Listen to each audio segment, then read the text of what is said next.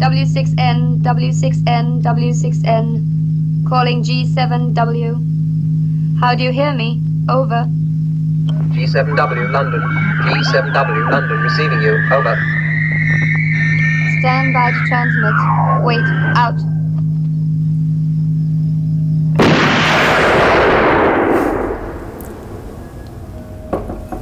Velkommen til Bondorama.dk's første podcast. Jeg hedder Brian Iskov, jeg er freelance filmjournalist og bestyrer af det danske 007 fanarkiv bondorama.dk. Og øh, med mig som gæst i dag har jeg Rasmus Påske Larsen, som vel nok er en af Danmarks mest vidende bondologer. Man skal jo være forsigtig med at, at sige sådan noget, for der er altid nogen, der ved mere end en selv. Men ja, entusiast eller bondolog, det Ja. lad os bare kalde os det i denne snævre kreds. Du har i hvert fald skrevet forordene til alle genudgivelserne af Ian Flemings James Bond-romaner, som kom i, øh, 2014, I 14. efteråret 14, ja. på Rosenkilde og Barnhof. Det er du rigtigt. ved en masse om den litterære James Bond. Yes. Og det er også emnet for dagens øh, passiar. Vi har nemlig fundet, jeg tror faktisk, det var dig, der gjorde mig opmærksom på dens eksistens. Det er et meget obskurt kapitel i dansk James Bond-historie, og det er en, en roman fra 1976, som jeg sidder med her i hånden. Den hedder Borte med gæsten, den fulde titel. Spændingen går amok i Borte med gæsten. Og den er skrevet af Mogens Mugge Hansen, og det er simpelthen, ifølge forsiden, en ny og ægte James Bond. Og det kan man jo så undre sig lidt over, hvordan pokker den er kommet til udgivelse på Christian, hvad var det, Eriksens forlag Ja. i 1976. Jeg opdagede selv bogen ved en tilfældighed. Jeg var inde på en hjemmeside for antikvariater i Danmark, og så søgte jeg bredt på James Bond, og frem dukkede denne her bog, som jeg aldrig havde hørt om før. Der var et lille billede af bogens forside. Det er en gul paperback på omkring 110 sider, øh, og forsiden er sådan en sort-hvid reproduktion af et af publicity-billederne fra Live and Let Die med Roger Moore, hvor øh, Solitaire og Rosie Carver står i baggrunden. Det er sådan et meget kendt billede fra den film. Og så er Roger Moores ansigt blevet klippet ud, og så er der i stedet for sat et spørgsmålstegn som om, hvem er denne mysteriemand? Øhm, og jeg tænkte, det ser ud som om, det har noget med James Bond at gøre i hvert fald. Og så købte jeg den og læste den, og den har vidderlig noget med James Bond at gøre. Ikke ret meget, kan man så sige, hvis man er kritisk, men øh, hvis man er kompletist, så er den sjov at have i sin samling. Ja. Hvis man læser øh, bagsideteksten, så bliver man ikke meget klogere på, hvad det er. Det er Nej. nogle meget øh, næsten abstrakte sådan, slogans omkring, som alle sammen nævner James Bond, og den Ian Fleming er nævnt, og den voldsomme James Bond-kult, den hemmelige tjeneste, største helt, øh, den uforfærdede, hårdslående superagent. Men, men hvad er det for en bog? Det, det står der ikke rigtig noget om. Men Nej. det, kan du måske kaste lidt lys over for, for dem, der ikke skulle kende den, hvilket sikkert er mange. Ja, altså nu er Mugge, Mogens Mugge Hansen, han var jo journalist på Se og Hør, øh, men han interesserede sig også for kriminallitteratur, og han har skrevet en række kriminalromaner. Jeg har en enkelt yderligere end den her, som jeg ikke engang har læst endnu, øh, men det virker som om, det generelt er noget lidt letbenet noget. Min teori, og Mugge han døde jo i, i 2004, så jeg kan ikke spørge ham ad, men min teori er, at han har gået med en drøm om, at han gerne ville skrive en James Bond-roman. Og der har han så øh, benyttet lejligheden til at hive fat i et af de mindre kendte kapitler, som Ian Fleming selv har lavet, og brugt det som, øh, som springbræt for en historie. Hvis man læser Du lever kun to gange, eller Man lever kun to gange, alt efter hvad for en dansk udgave af bogen man får fat i, øh, så ved man også, at James Bond i bogens slutning har fået hukommelsestab. Han lever sammen med Kissy Suzuki, heldinden fra bogen, og han har faktisk gjort hende gravid. Han har ikke fået det at vide endnu, hun har ikke fortalt ham det, og han rejser så til Vladivostok med hukommelsestab. Men man hører altså, at han efterlader en gravid kvinde. Øh, I 1973, da John Person han så skrev en, en fiktiv biografi over James Bond, der får vi faktisk at vide, at øh, Kissy føder en dreng. Og han bliver opkaldt efter sin far, så han kommer til at hedde James, men han får sin mors efternavn Suzuki. Og det er det, som Mugge han bruger som, øh, som udgangspunkt for sin roman. Ja, og det er så den bog, som på dansk kom til at hedde Jeg er 007, James Bond, som, som Lademand udgav i 73. Ja, jeg tror, det er faktisk... Er det 75? Jeg tror først, den kom i Ja, 75 det kan på dansk, som den har været helt præsent i, i Mugges, øh, i Mugges sind, og Ja. hvilket man, den så også bærer præg af i Borte med gæsten, og han citerer jo rask væk side op og side ned, Ja. både fra Man lever kun to gange, og fra den her The Unauthorized Biography of James Bond, som originaltitlen. Ja. Men i de danske oversættelser, uden jo at kreditere oversætteren, det må man vist egentlig ikke. Men det er jo, det er jo op imod 20 sider af den her Borte med gæsten, som jo ikke er særlig lang i forvejen, Ja. som simpelthen består af ordrette citater Ja. fra lange afsnit af de her to andre bøger. Man kan sige, at det er nok en tilsnigelse, at øh, man på, på bogen Borte med gæsten kan se, at det er Mogens Mugge Hansen. Man skal passe på ikke at sige det for hurtigt, så det bliver til Mogens Smugge Hansen. Mm. øh, der er forfatter, fordi han har altså fået virkelig god hjælp, øh, hvis man skal sige det på den pæne måde, fra både Ian Fleming og fra John Person og fra deres respektive oversættere. Øh, det, det er han altså kommet lidt nemt om der, det vil jeg sige. Ja. Men øh, hvis vi lige skal dykke lidt længere ned i, hvad der foregår i Borte med gæsten, Ja. hvilket ikke, måske heller ikke er helt nemt at Det er gøre rede at for. Fordi den har jo også en, en øh, ejendommelig struktur, Ja. men øh, lad os prøve ad. Bogen er bygget op i bund og grund i to dele. Første del og anden del, sjovt nok, hvor første del handler om, at Mugge læser, han, han gør rede for, at han ligesom alle mulige andre regner med, at Ian Flemings romanfigur og filmenes øh, technicolor-person, James Bond, er en fiktiv person. Øh, men så læser han øh, John Persons James Bond-biografi, der kom i England i 73, og den afslører jo, kan man vel sige, gåsøjne, at James Bond-figuren er en virkelig person, og at alle Ian Flemings historier er mere end bare baseret på virkelige begivenheder. Det er næsten en skildring af virkelige begivenheder.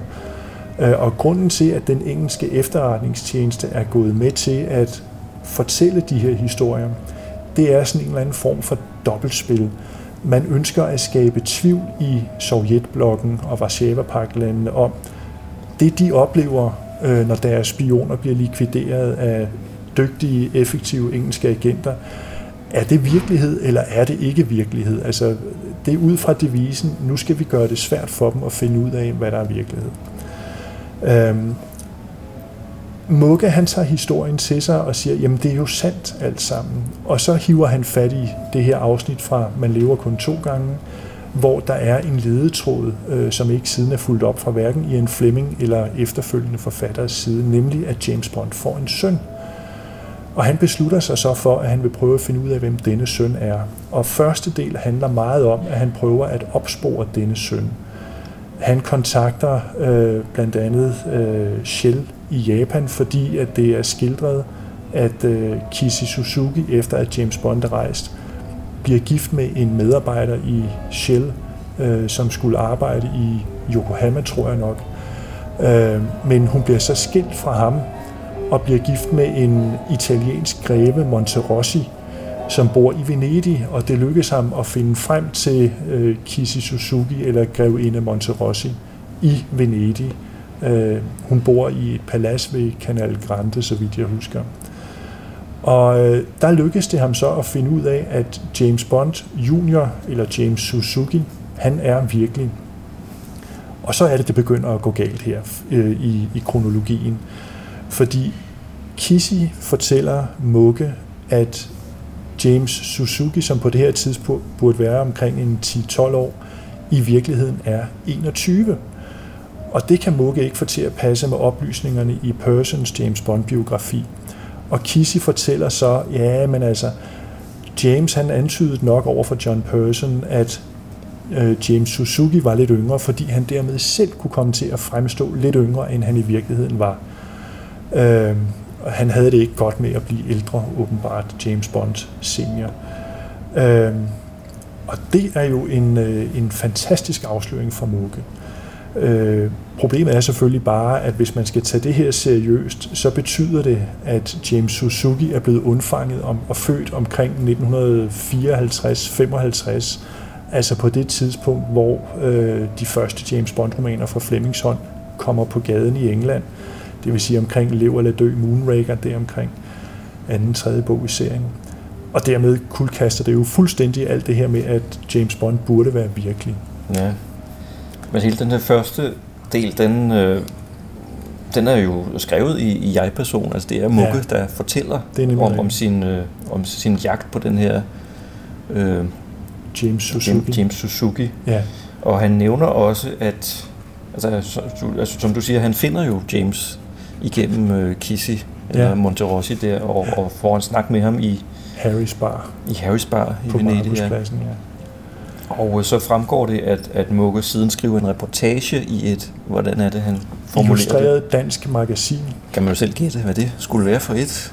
Ja, det er nok ikke billedbladet. Nej, men altså, vi, vi har ikke decideret fundet frem til den her reportage, men altså, jeg, det skulle slet ikke undre mig, at Mugge rent faktisk har skrevet den og fået den udgivet i Se og Hør under påskud af, at det var en, en virkelig sensationshistorie, at han har fundet James Bonds søn. Det og han, jeg, han er prøver at få hele det her scenarie, den her gimmick, som han har lånt fra John Pearson til at fremstå som skinbarlig sandhed. Ja, det, det kan jeg sagtens forestille mig øh, kunne være foregået på den måde. Jeg ved det heller ikke. Jeg har heller ikke undersøgt Se og Hør, som vi nok må sige, at det formentlig er. Mm. Mugge arbejdede i hvert fald for Se og Hør. Øh, jeg har ikke undersøgt årgangene 74, 75, 76 for at finde ud af, om han rent faktisk har haft en artikel offentliggjort der, men det kunne jeg godt forestille mig. Hvis også. nogen har den, så sig endelig til. Ja, Vi vil gerne, vi vil gerne se, hvad det er for noget. ja. Men han, øh, Mugge, får også lige øh, hilst på øh, en oberst, Grubowski, Oberst Grubowski, Borski, Som- han er fra ja. Bulgarien, ikke? jo, han stammer fra Bulgarien ifølge oplysningerne i bogen. Ja. Og han er åbenbart sådan en, øh, en freelance-agent for øh, den her person, som Mugge omtaler som Set, som er chef for Liechtensteins hemmelige efterretningsvæsen. ja. Af alle lande. Simpelthen. Øh, men i, i, i sit arbejde på Se og Hør har Mugge ofte interviewet forskellige kendte personer fra forskellige steder i verden. Øh, og derfor havde Mugge formentlig en, en øh, meget nem pen i forbindelse med at skildre øh, kongelige og royale og adelige mennesker rundt omkring. Han har været hofrapporter for Se og Hør i en menneskealder. Øh, og jeg mener, da han gik på pension omkring årtusindskiftet, øh, der fik han altså også en, en øh, fortjenstmedalje, eller hvad hedder det? Øh, Ja, han fik nogle ordener. han fik, ja, for, for 40 års tro tjeneste eller sådan et eller andet. Det, så han, han har været omkring kongehuset her i Danmark i hvert fald Ja. et par gange. Hvorfor er det, han mødes med ham her, obersten? Og Jamen, hvor, hvor, det- ikke mindst, hvor mødes de? Ja, det er jo så derfor, at, øh, at vi sidder, hvor vi gør, fordi øh, de mødes på The Library Bar på Hotel Plaza i København. Øh, og her øh, befinder vi os faktisk i øjeblikket med, med lædermøbler og skinindbundne bøger. Ja, og mørke træpaneler, næsten som i M's gamle kontor. Ja, eller- smule, Jeg forestiller mig, at det kunne også være sådan et eller andet a la Blades, Ja. øh, eller Gentleman's Club. The Diogenes Club, eller sådan et eller Det, det er dog ikke en levende pianist, hvis man kan høre pianotoner i baggrunden. Nej, det virker som om, det er noget, der kommer fra en Og- højtaler. Og vi drikker heller ikke fadøl, som de gør i bogen, fordi vi sidder her en søndag eftermiddag. Ja, og så det, det er, er- det er bare sort kaffe. kaffe. men, øh, Men det er en location i bogen. det er det nemlig, og derfor synes vi, det kunne være sjovt at lave den her podcast herfra. Men Sæt og Liechtensteins efterretningstjeneste har fået et brev fra kejser Hirohito af Japan, øh, fordi i den japanske efterretningstjeneste findes der en øh, kvindelig agent, som oprindeligt er født i Liechtenstein.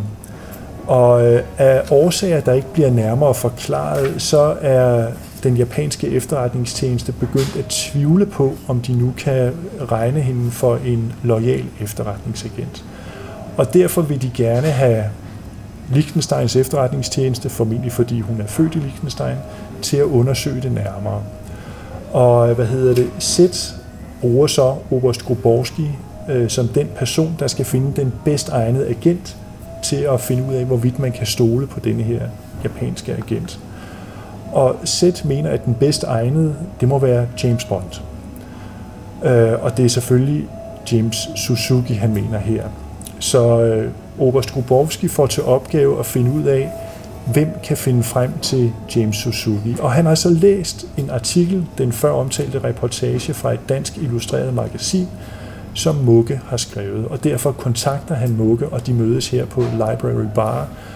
Og så indgår de over en fadøl, en aftale, mundtlig. Vi behøver nemlig ikke skriftlige ting her. En gentleman agreement må være tilstrækkelig. Skål, siger de faktisk i bogen. At øh, uh, Mugge skal opspore James Suzuki og sætte ham i forbindelse med Oberst Grubowski for at få ham til at finde ud af, om denne her japanske kvindelige agent fra Liechtenstein er til at stole på.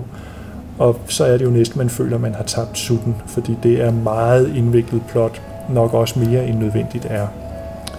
Øhm, det lykkes som sagt Mugge at opspore James Suzuki, og James fortæller så, at han faktisk, øh, da han var omkring en 18-19 år, blev kontaktet af sin fars gamle ven Tiger Tanaka, chefen for den japanske efterretningstjeneste, og så står det lidt flydende, at han faktisk var involveret i en række efterretningsopgaver, som havde et meget succesrigt udfald.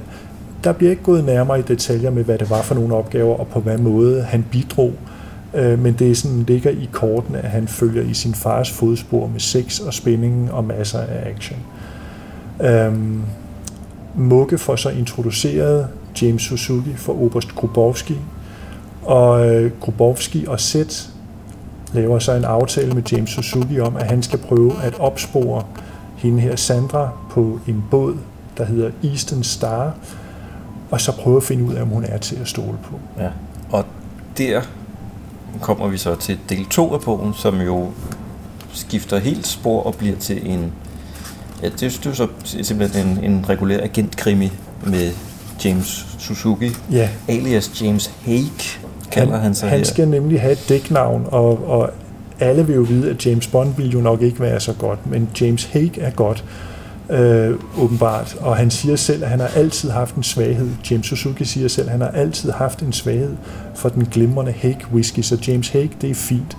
Og det er jo selvfølgelig fuldstændig den samme tilgang, man møder i... Øh, i øh, nogle af James Bond-filmene, hvor James Bond møder øh, under aliaset øh, James Stock, altså aktie, øh, eller nogle steder, når han hedder Sterling osv., i stedet for Bond, som er obligation. Øh, og, og det er jo sådan lidt, nå ja, det er jo kun sjov og ballade. Det er jo ikke sådan, man skal tage det videre seriøst. Mm. Men i romanens anden del, øh, der bliver det mere, nemlig som du siger, en fuldstændig straightforward eventyrhistorie. Øhm, James og Sandra, som hun hedder, denne her japanske spion, som er født i Liechtenstein, de bliver elskende ombord på den her båd, der hedder Eastern Star. Øh, og så en aften sker der til synligheden et mor. En egyptisk mand bliver skubbet over bord, og Sandra hun bliver så øh, sigtet øh, tilbageholdt af, af personalet på, på luksuslineren Eastern Star, ja. fordi hun bliver mistænkt for drabet. Og den er på vej fra Gibraltar til Cairo, så vidt jeg husker. Ja, og, øh, for, men, og lige, vi skal jo også ja, vi skal jo lidt rundt omkring ja, i, i verden. verden. Der skal være det der globe-trotting øh, element, som vi også kender fra Ian Flemings bøger jo, mm. og fra filmene. Øhm, og her får vi så introduceret bogens MacGuffin, altså den her ting, der skal holde handlingen i gang, uden at man rigtig ved, hvad det er. Øh, fordi da Sandra er blevet taget til fange øh, og tilbageholdt, så lykkes det hende via en purser, så vidt jeg husker, at få en besked ud til James.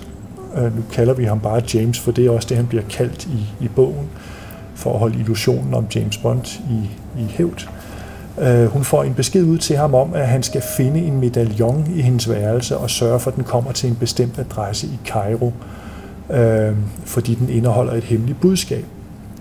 Og så tager handlingen fart. Øh, Sandra bliver ført fra båden og øh, øh kommer i politiets varetægt, og nogle af de her egyptiske politifolk, de kigger meget indgående på James, øh, og vi fornemmer, at der kommer til at ske noget. Og hvis man synes, handlingen har været indviklet indtil videre, øh, så bliver det fuldstændig umuligt at bevare overblikket her. Man, man skal bare slå hjernen fra og lade sig føre med. Øh, det viser sig nemlig, at det nok ikke var politifolk, der førte hende fra båden, men hemmelige, fjendtlige agenter, og man kan så gætte på, hvorfra de kommer. James han følger så efter øh, til Cairo. Han mister sin bagage. Øh, han møder en person, der kender en god kontakt, øh, der de skal tage med toget, og James bliver taget til fange, sådan for at gøre det kort. Øh, det lykkes ham at komme fri, øh, og det lykkes ham også at finde ud af, at medaljongen indeholder rent faktisk et hemmeligt budskab af stor vigtighed. Øh, den japanske efterretningstjeneste og det japanske luftvåben redder dagen et obskurt sted øh, uden for japansk territorium. Vi skal ikke tænke realpolitik ind i det her og FN og sådan noget. Og på den måde bliver 3. verdenskrig afværget. Øh, og, og det hele er håbløst rodet, og man forstår ikke helt, hvad pokker det var for et hemmeligt budskab. Men det kommer i hvert fald til at stå klart, at Sandra hun er lojal over for kejser Hirohito af Japan, øh, Øh, og den japanske efterretningstjeneste er formodentlig meget glade for at, at, at lære det her, øh, at, at de kan stole på deres agent. Og James Hake, James Suzuki, James Jr., hvad vi nu kalder ham, klarer ærterne. Øh, og det er en forfærdelig gang rod over de her omkring 110 sider, som romanen er på. Men øh, Mugge får altså oplysningerne fra øh, Oberst Grubowski og har så været i stand til på den baggrund at udgive det her tekstuelle makulatur, øh, der ikke har ret meget med, med den kendte James Bond at gøre. Og hvis man ser i bogens kolofon, så er der da heller ikke nogen henvisninger til hverken Ian Fleming eller Glidrose Productions eller Publications, hvad de nu hed, der i midt-70'erne. Nej, så den, den er uautoriseret, må, Det, vi, den, må vi konstatere. den, den lugter langt væk af at være det, vi i dag ville kalde en piratudgave, eller som du selv sagde på et tidspunkt, fanfiction. Ja, jeg, jeg ved ikke, om man brugte dit begreb dengang, men sådan, sådan føles det, når man læser den. Altså, Ja. det er, Og altså, det, der også kendetegner bogen, det er jo, at den har en sektion med billeder fra filmene. Blandt andet fra filmene, vil jeg sige, for der er også billeder af Liechtensteins fyrste, og jeg husker også, der var, så vidt jeg husker, et billede af Hirohito. Og når man siger, at der er billeder fra filmene, så er der både billeder af Sean Connery fra Du lever kun to gange, fra hvileseceremonien med Kissy Suzuki. Der er billeder af Roger Moore fra The Man with the Golden Gun, hvor han er sammen med, hvad hedder det, uh, Mary Goodnight, der jo bliver spillet af Britt Eklund. Uh, og så er der også uh, det billede, der er kommet på forsiden, hvor han er sammen med Rosie Carver og Solitaire. Uh, som angiveligt er, er fremstillet til, Ja. til den her reportage. Ja, og Mugge, øh, Mugge antyder her, at det er et billede, han har fået lavet. Det er det altså ikke, kan jeg betro lytteren.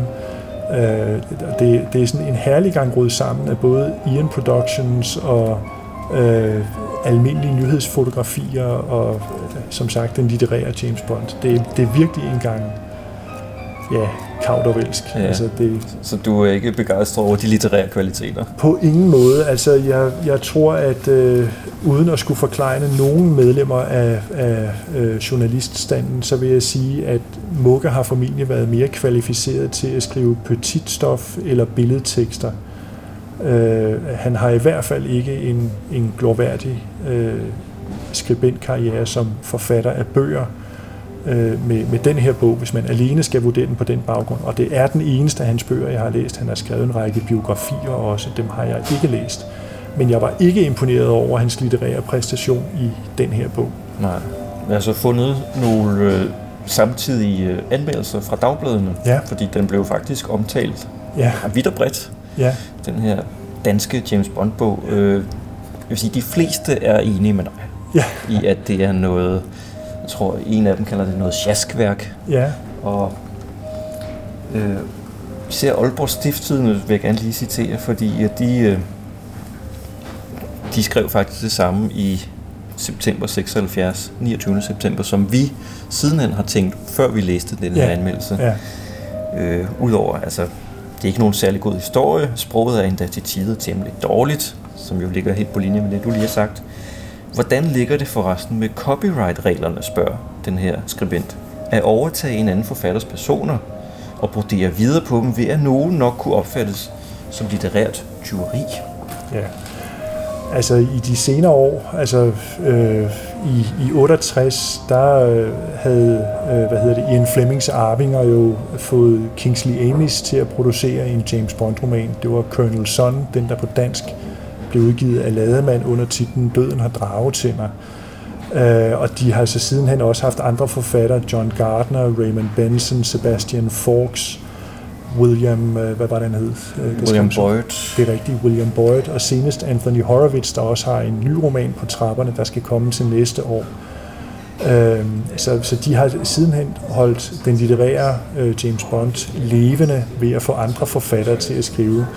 Men Men det er jo nogen, der er blevet udpeget til Det det, er det som nemlig. er, er, er rettighedshaverne. Ja, det, det er jo en stor er- forskel, kan man sige. fuldstændig rigtigt, og det er med godkendelse, og de har haft muligheden for at sige, ah, ah det her vil vi ikke have på banen. Der gik rygter om, at den sydafrikanske forfatter Jeffrey Jenkins øh, skulle have lavet en, der hed på Fine Ounce, der skulle handle om guldsmuglere. Men den bog er aldrig blevet udgivet, øh, og, og vedholdende rygter siger, at han faktisk skrev den.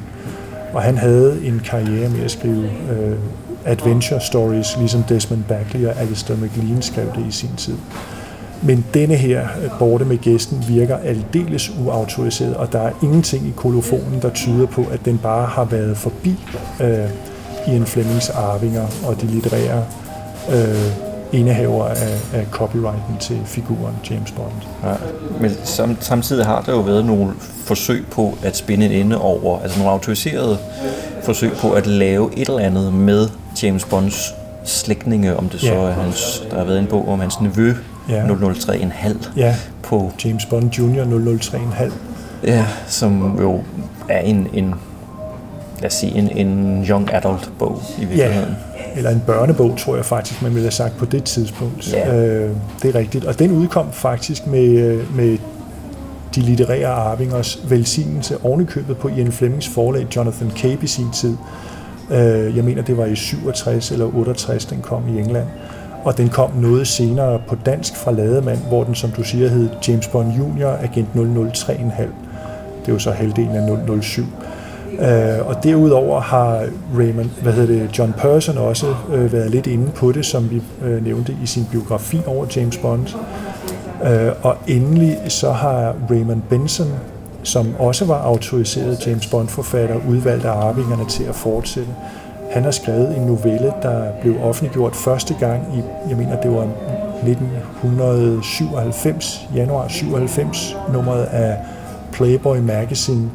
Der havde han skrevet en historie, der hed Blast from the Past, øh, som faktisk handler om, at James Bond modtager et øh, brev fra sin søn James Suzuki fra New York, øh, hvor han får at vide, jeg har brug for din hjælp, svigt ikke, kom straks. Og så tager han til New York, og vi hører, at James Suzuki er ansat i en japansk bank på Manhattan.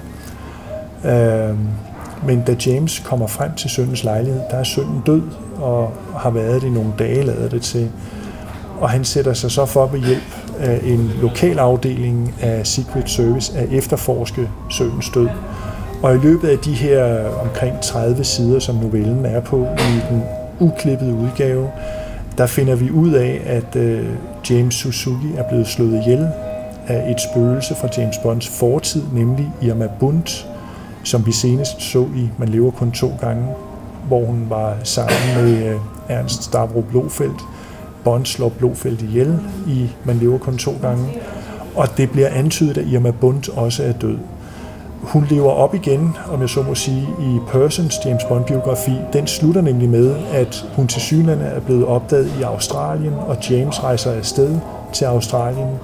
Øh, men i Blast from the Past hører vi, at det var et falsk spor. Det var slet ikke hende. Det lykkedes James at gøre regnskabet op med hende endeligt en gang for alle i Blast from the Past. Øh, og få hævnet både drabet på Tracy, hans kone, og øh, også drabet på hans søn James Suzuki. Og det er altså autoriserede historier, som er godkendt af Ian Flemings litterære arvinger. Øh, og, og det lukker ligesom af for, for både Irma Bunt, Blofeld og også James Suzuki. Men det er jo værd at vide, at øh, Mukkes bog kom altså på dansk i 76, så vidt jeg husker. Og det vil sige, det er altså længe før Raymond Benson, øh, altså det er jo næsten 20 år før Raymond Bensons historie udkommer. Ja. Så man må give Mugge den credit, at han trods alt har, har fundet øh, en historie, øh, eller en tråd, han kunne hive fat i, og så flå trøjen med James familie op, og så strikke en ny historie, selvom den ikke er særlig god. Ja. Så det er James' egen søn, der bliver rundet af øh, på den her måde, kan man sige. Men som du også er inde på, har der været andre historier, nemlig James Bond Jr., Agent 003,5, som var skrevet af en forfatter, der hed R.D. Mascot, og der er almindelig enighed om, at det er et pseudonym, øh, og man har også øh, fundet frem til, hvem man tror pseudonymet dækker over, men jeg husker det ikke. Jeg mener, at du har skrevet om det på din Ja, blog. Arthur et eller andet meget britisk navn. Ja. Øhm, det er vist ikke blevet endeligt stadfæstet, øh, men, men der er overvejende enighed øh, i forskellige fankredse om, at, at du har fuldstændig ret i den antagelse. Og det er som ikke mig selv, der har fundet Nej, nej, frem til. det, derfor kan man jo godt sige, at, at det du står for, er, er der overvejende enighed om. Ja. Øh, og så er der selvfølgelig i, øh, i 90'erne, hvor James Bond-filmene fra Ian Productions lå stille, der blev der lavet en række tegnefilm, der hed James Bond Jr., Ja. øh, Ganske hvor- skrækkelige tegnefilm. i Ja, jeg har ikke selv set dem. Jeg tror også, der kom et seriehæfte i Der kom- forbindelse med det. Ja, det amerikanske Marvel Comics udgav 12 numre øh, af sådan en tegneseriehæfte med de samme figurer. Ja. Og det var sådan lidt med, jamen det var James Bonds nevø, øh, altså vores Ian Flemings James Bonds nevø, øh, der optrådte deri. Og der var kus, barnebarn og alt muligt øh, forskellige ting. Felix Leiters øh, søn var vist også med, mener jeg. Mm. Og skurkene var Dr. No og Oddjob, og altså Jaws var også med. Og sådan, En, en Altså- pærevælling af alle mulige kendte elementer. Ja, og jeg tror, at målgruppen for den tegnefilmsserie var, var børn af samme alder som de, der dengang ville se tegnefilmserien om Teenage Mutant Ninja Turtles Ja. og den dur. er Biker Mice fra Lør, lørdag morgens tv. Ja, og, og de var ikke altså, særlig tro mod Ian Flemings James Bond-univers. Men dog officielt Ja, stadigvæk. Men det er, kom- sjovt, det er sjovt, de her ting, James Bond Jr. og Bortemagisten, de kommer jo på tidspunkter, hvor der ikke rigtig sker så meget, eller hvor Bond bølgen er sådan lidt i en nedgangsperiode. Ja, det kan man godt sige. Øh, altså, der var jo, da Borte med gæsten udkommer i 76, jamen der er der gået en årrække siden, der er kommet en, en roman med James Bond. Den seneste var Kingsley Amis' Colonel Son, der kom i, 3, øh, i øh, 68. Øh, og så er det først helt oppe i 81, at John Gardner bliver bedt om at skrive licens fornyet, øh, som udkommer i England og også i Danmark. Øh, så så der, var, der var meget ro på det, og som du siger, med filmene, jamen der var en periode fra 89 frem til GoldenEye i 95, hvor der ikke kom nye James Bond-film, og det har formentlig været Ian Productions måde at holde øh, en eller anden form for interesse kogende øh, blandt et meget ungdomligt publikum.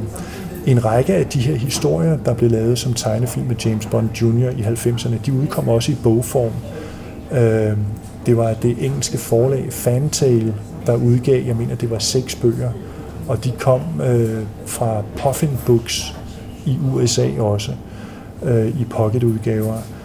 Øh, og der kom også nogle, øh, jeg tror det var fire stykker i sådan hardcover med James Bond Jr. Øh, på, på engelsk. De fandt aldrig vej til det danske marked, meget bekendt i hvert fald. Så, øh, så der har de også været. I de senere år, der har det så været øh, Young Bonds, der er lavet som det, du kaldte Young Adults, altså til, på dansk vil man formentlig sige det gode danske ord, teenager. Ja. Øh, Un- ungdoms ungdom spændingsromaner. Ja, det er ikke, det er, ligesom Harry Potter er det ikke henvendt til helt små børn, men, øh, men til større børn. Og Charlie Hickson udgav fem Young Bond-romaner, og de er så sat, altså udmærker sig ved at være sat i Ian Flemings tidslinje, det vil sige Young Bond, James Bond, øh, er elev på Eton i de første bøger, øh, og de foregår i 30'ernes England, øh, der hvor den litterære James Bond også ville have været, øh, og, og er meget i overensstemmelse med Ian Flemings, skal vi sige, kanon. Øh, det har været kendetegnende for Ian Flemings arvinger, at hver gang de har fået en ny forfatter til at skrive officielle James Bond-romaner, så har de sagt, Ian Flemings kanon skal du tage udgangspunkt i den figur. Øh, du må selv om, om du gør figuren nutidig, øh, altså i samtiden, eller om det skal være noget, der foregår på det her tidspunkt i overensstemmelse med, med Ian Flemings tidslinje. Men det skal være tro mod ånden i Ian Flemings bøger. Og glem alt, hvad der ellers er, er skrevet om James Bond. Og Charlie Hickson viser i sine romaner, jeg var stærkt skeptisk, da de kom, øh, men jeg synes faktisk, han formår at lave noget, som en voksen Bond-fan egentlig også kan finde fornøjelse i at læse. Øh, ja, det er henvendt mod et ungdomligt publikum. Nej, der er ikke ret meget sex i. Der er højst lidt, lidt øh, skoledrenge forelskelse og ingen sex, ingenting. Øh, fordi det er til et ungdomligt publikum, de er rettet. Men han fanger meget flot, synes jeg, ånden i Ian Flemings bøger og den kolde krig øh, i, i mellemkrigsperioden mellem 1. og 2. verdenskrig. Øh, og, og det gør han meget godt over fem romaner. Sidenhen var det Steve Cole, der fortsatte serien om Young Bond, øh, og han blev, øh, der blev skrevet kontrakt med ham om, at han skulle skrive fire Young Bond-romaner, og de er også udkommet. Den seneste kom her, så vidt jeg husker, i foråret 2017, eller efteråret 2016, nu kan jeg ikke huske det helt præcist. Øh, og, og de var ikke, efter min mening, ikke lige så gode som Charlie Hicksons, men der er nogle af dem, som faktisk er på et, et rimeligt acceptabelt niveau. Ja. Der, så. Der, der er nogle, jeg tror det er Hicksons to første, som nåede udkommen på dansk, ikke? Ja. Og, og ovenikøbet i to forskellige oversættelser. Det er fuldstændig rigtigt. Den, den ene er sådan meget ikke oversat med henblik på et barnepublikum, kan man godt fornemme. Ja. Det er den anden i høj grad. Ja. Det er så et spørgsmål, kan man sige, hvad man ja. foretrækker. Ja.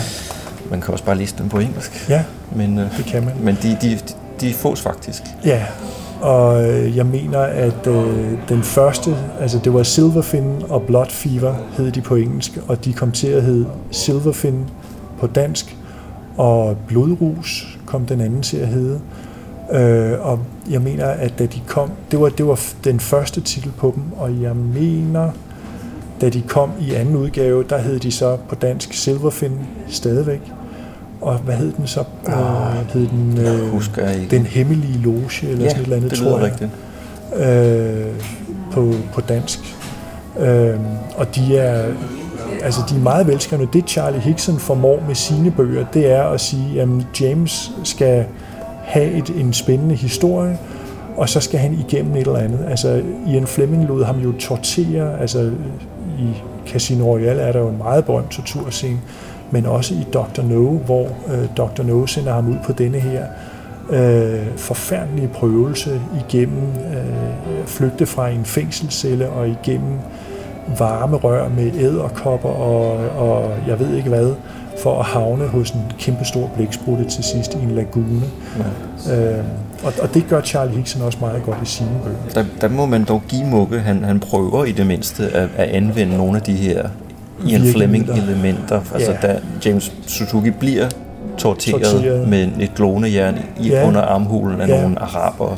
Ja. Og, flere, øh, og der er mennesker. meget detaljeret oprens, opremsning af det måltid, som Krolowski og Sæt spiser på ja. restaurant Louisenhof ja. i Vaduz. Ja. Og, og plus at vi nævnte globetrotteriet. Og, ja. og ja, men, men og så. der er også spænding, og der er action, og der er en biljagt og, altså, i Mugges bog, så han har alle elementerne, men, men det er altså et, et, efter min mening, meget klart eksempel på, at det ikke er altid et spørgsmål om ingredienser og blandingsforhold, det er også et spørgsmål om håndværk. Og Mugge har bare ikke i denne her bog håndværket, der gør, at det bliver en, en øh, spændende James Bond-roman. Det er en meget, meget middelmodig James Hague-roman.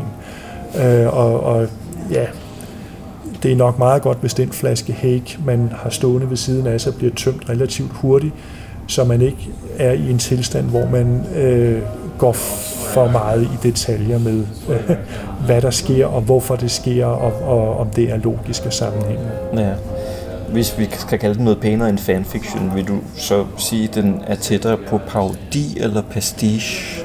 Øh, eller noget helt tredje? Jeg, jeg tror, at vi skal sige, at det... Altså, jeg ville selv nok sige, at det er pastiche, fordi i mine øjne, som jeg forstår begrebet pastiche, så er det en efterligning, en kærlig efterligning, og der er ingen tvivl om, at Mugge har stor kærlighed. Altså han har vidderligt, demonstrerer han jo tydeligt i bogens første del, han har vidderligt læst Ian Flemings og John Persons romaner og novellesamlinger, formentlig også for Flemings vedkommende. Øh, og, og jeg mener, det at vi har at gøre med en forfatter, der ved, at der er andre end Ian Fleming, der har skrevet James Bond, det er ikke noget, man kan tage for givet. Slet ikke i Danmark. Og formentlig ikke på den her tid, hvor, hvor det, der nok har været mest i folks bevidsthed, det er filmene. Øh, altså, bøgerne har aldrig, desværre, været særlig meget i fokus her i Danmark. Øh, det, det er filmene, der ligesom har været det, der har drevet Bond-feberen, når den har været her i Danmark. Altså i sin tid, da tegneserierne udkom, der kunne man også se, at de var forholdsvis store i 60'erne, hvor de kom en, en seks gange om året, og så ændrede det sig. Nogle år udkommer der kun to numre, så vidt jeg husker, og ellers så lander de på et niveau, hvor det er sådan en, en, en fire numre om året, så vidt jeg husker, sådan hver tredje måned, en gang i kvartalet, at de kommer, øh, indtil de går ind på grund af formentlig ringesalg. Øh, så, så ja, det er, er filmene, der, der bærer det i Danmark. Ja, der er heller ikke udgivet nogle øh, af de nye Bond-romaner siden Carte Blanche, som solgte meget dårligt, kan jeg forstå. Ja, altså det, der, er, der er til synligheden ikke... Altså i 2002 forsøgte forlaget Forum med en genudgivelse af Ian Flemings romaner øh, i Hendes Majestæts Hemmelige Tjeneste og Goldfinger, som var ovenikøbet var nyoversatte af Klaas Johansen, vidt ja, jeg husker. Det, det, man må også sige, de gamle Skrifola udgaver, paperbacks, ja. de var jo til tider noget stedmoderligt oversat med ja. udladelser af lange passages, som simpelthen enten blev regnet for indviklet eller for kedelige, eller jeg ved ikke hvorfor. Der er store øh, huller i dem, hvis man sammenligner ja, og, med, med originalteksterne. Ja, og nogle gange så er der også bare sådan, at man kan se, at der er lavet om i det. Øh, altså, jeg kan huske i sin tid i, øh, i 89, da License to Kill havde premiere i biograferne, oplevede jeg til min store overraskelse, at øh, Vinters forlag udgav øh, film, altså romanudgaven af filmen, øh, af John Gardners øh, romanudgave af filmen, og de udgav samtidig to andre øh, romaner på dansk. Så vidt jeg husker, var det for Special Services, der havde fået titlen I særlig tjeneste. Og så mener jeg, at det var mislykket operation, som var No Deals Mr. Bond, så vidt jeg husker. Øh, og der var altså, når man læser øh, i, øh, i øh, nogle af de her øh, oversættelser, at der var ting, der var lavet om. Altså blandt andet i License to Kill i omtalen af Felix Leiter, som er med.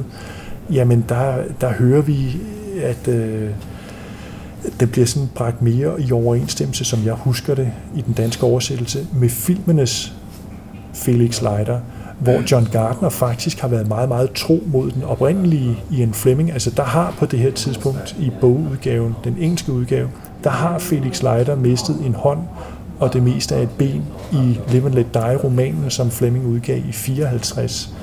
Men øh, i, øh, i den danske oversættelse er det som om, at det ikke er tilfældet, og den er mere lojal mod filmen, hvor David Hedison jo, der også spillede Leiter i Live and Let Die-filmen, han har sine lemmer i behold, indtil Frans Sanchez, romanens og filmens skurk, får ham sænket ned til en hej, der så øh, maltrakterer ham på det, på det slemmeste, man overhovedet kan.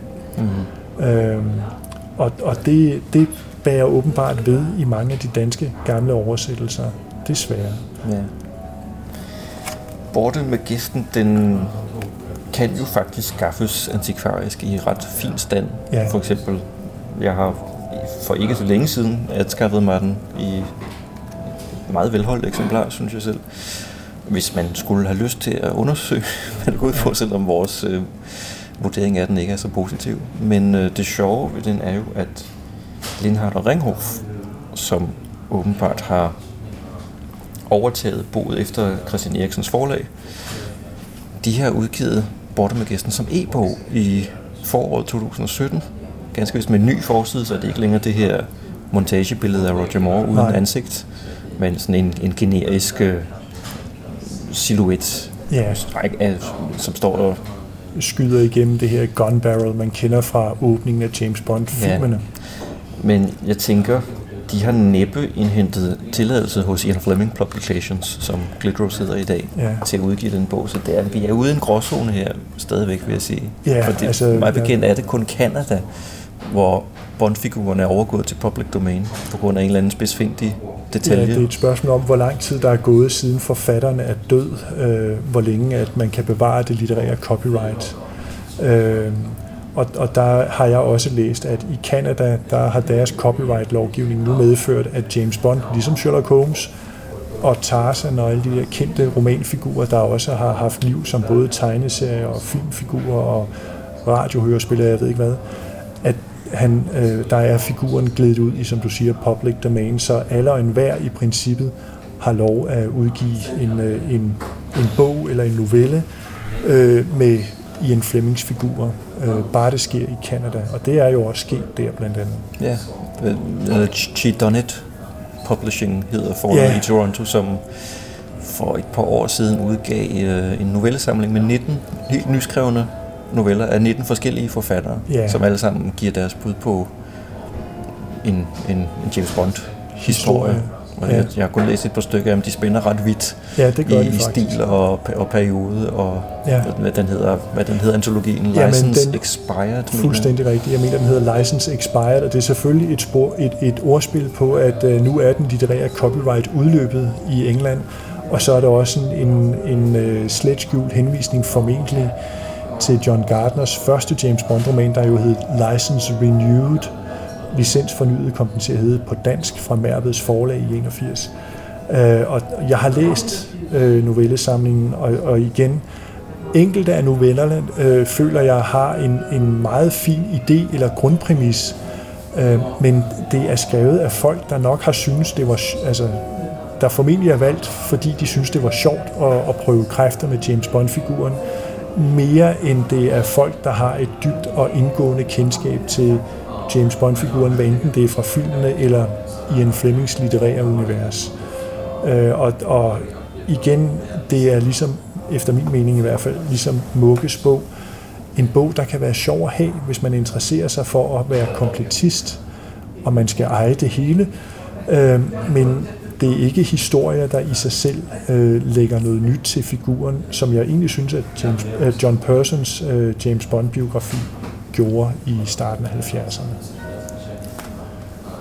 Ja, men vi kan i hvert fald konstatere, at hvor uautoriseret den end er, så er Borte med Gæsten altså i handlen. I. Antikvarisk og, og på digital. Og på e-bog ja. i 2017. Ja, Og øh, hvis vi lige skal runde lidt af, så den er forholdsvis hurtigt læst. Den er som sagt på omkring de der 110-115 sider, øh, og øh, man kan læse den på en eftermiddag uden de store problemer. ja. Altså Aalborg Stiftstidende fik jo faktisk interviewet Mugge, efter han havde udgivet romanen, og, og spurgt ind til det her med, med øh, rettighederne, og der forsvarer Mugge sig simpelthen ved at øh, afvise, at der er tale om litterær teori. Selvfølgelig gør han det. Han kalder det i stedet for forskning i James Bond. Ligesom hvis det havde været Sherlock Holmes, han har blot valgt et nutidigt emne. Ja. Ja, Det er jo noget af en søforklaring, synes jeg. det, det må den enkelte gå op med sig selv, hvor, hvor, hvor valid og, og hvor oprigtigt ment det egentlig er. Øh, man skal jo huske, at Mukke havde vel formentlig en eller anden form for pekuniær interesse i, at der rent faktisk blev solgt nogle eksemplarer af bogen. Nu er Danmark et meget lille sprogområde, og var det også i 75. Og det er formentlig en, en meget væsentlig årsag til, at øh, Ian Flemings øh, litterære arvinger formentlig slet ikke har hørt om den her bog. Øh, Jeg tror heller ikke, de ved, den eksisterer. nej, det tror jeg heller ikke. Men, men BT nævner i en anden artikel, at, eller de hævder i hvert fald, at flere udenlandske forlag decideret strides om rettighederne til at udgive Mukkes bog, som Ja. ovenikøbet skulle være den første i en en serie. serie. Ja, jeg ved ikke, hvor de har det fra. Ja, men det, altså, det er jo også påfaldende, at øh, der er visse historier, der dukker op igen. Altså man kunne også se, hvis man læser forordet i den danske udgivelse af Licens Fornyet, John Gardners første bondroman fra 81, så står der også, at det er den første i en serie. Det var jo unægteligt korrekt. Og at, film, og at øh, alle Gardners bøger vil blive, som der står, filmatiseret. Det har vi stadig til gode at se i hvert fald. Øh, det er jo ikke det samme som, at, at filmrettighederne øh, kan være blevet købt af nogle andre, og jeg er ret overbevist om, at Ian Productions har været ude og købe filmrettighederne. De gør, hvad de kan for at sætte sig på de rettigheder. Men de har ikke indtil videre i hvert fald valgt at, at benytte sig af det i nævneværdig grad af det, jeg har oplevet. Øh, men, men det er måske sådan lidt, skal vi sige, journalistisk selvsving. Altså når det kommer til James Bond, så er der en tendens til, at journalister øh, gang på gang kan afsløre i gåsøjne, hvem den nye James Bond skuespiller skal være, og hvad filmen hedder. Og, oh, ja.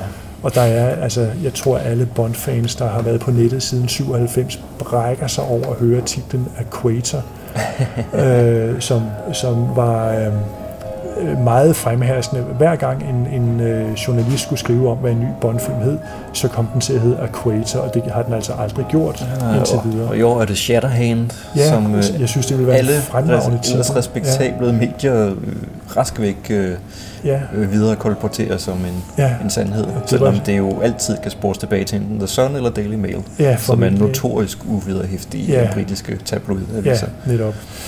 Og vi skal ikke drage sammenligning med, med danske medier. Vi kunne også komme i problemer med en lovgivning formentlig, så det vil vi ikke.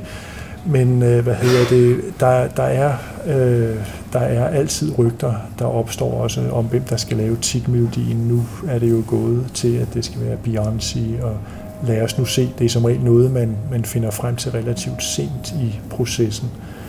Øh, så lad os nu se lad os nu se.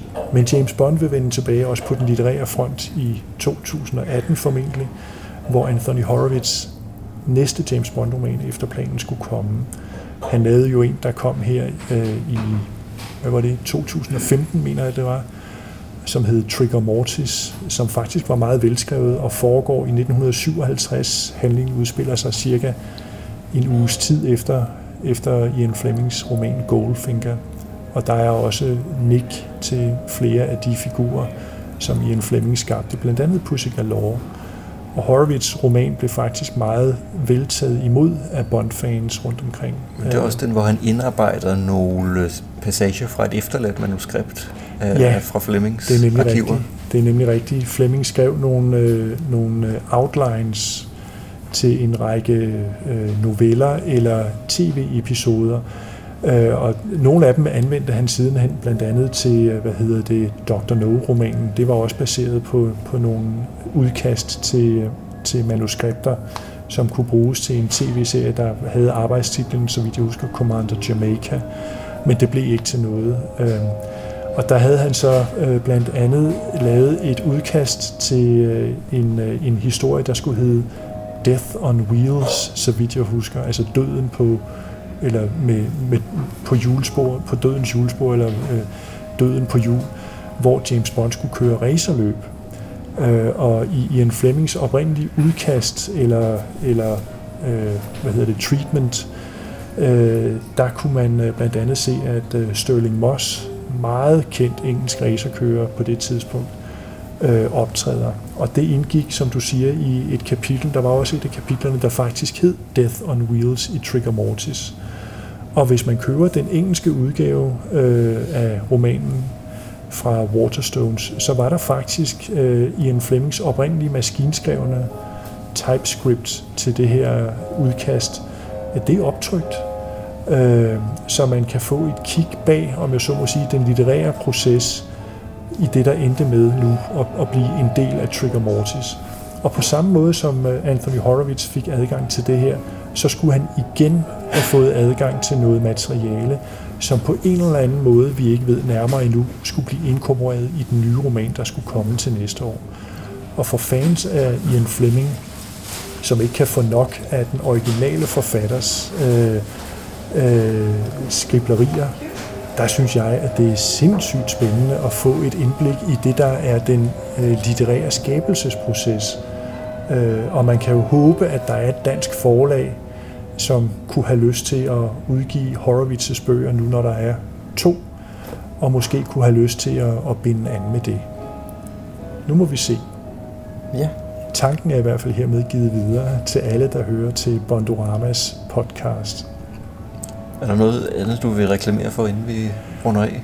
Kan, Jeg ved ikke, om jeg skal reklamere, men... øh, kan dine bøger altså, stadigvæk købes? Ja, de kan ikke købes. Altså, når, når du så venligt siger mine bøger, så er det det, du refererede til at gå ud fra i starten, hvor Lindhardt og Ringhof, eller jo, Lindhardt og Bahnhof, nu skal man sige det rigtigt. Rosenkilde. Rosenkilde og Bahnhof, det er svært.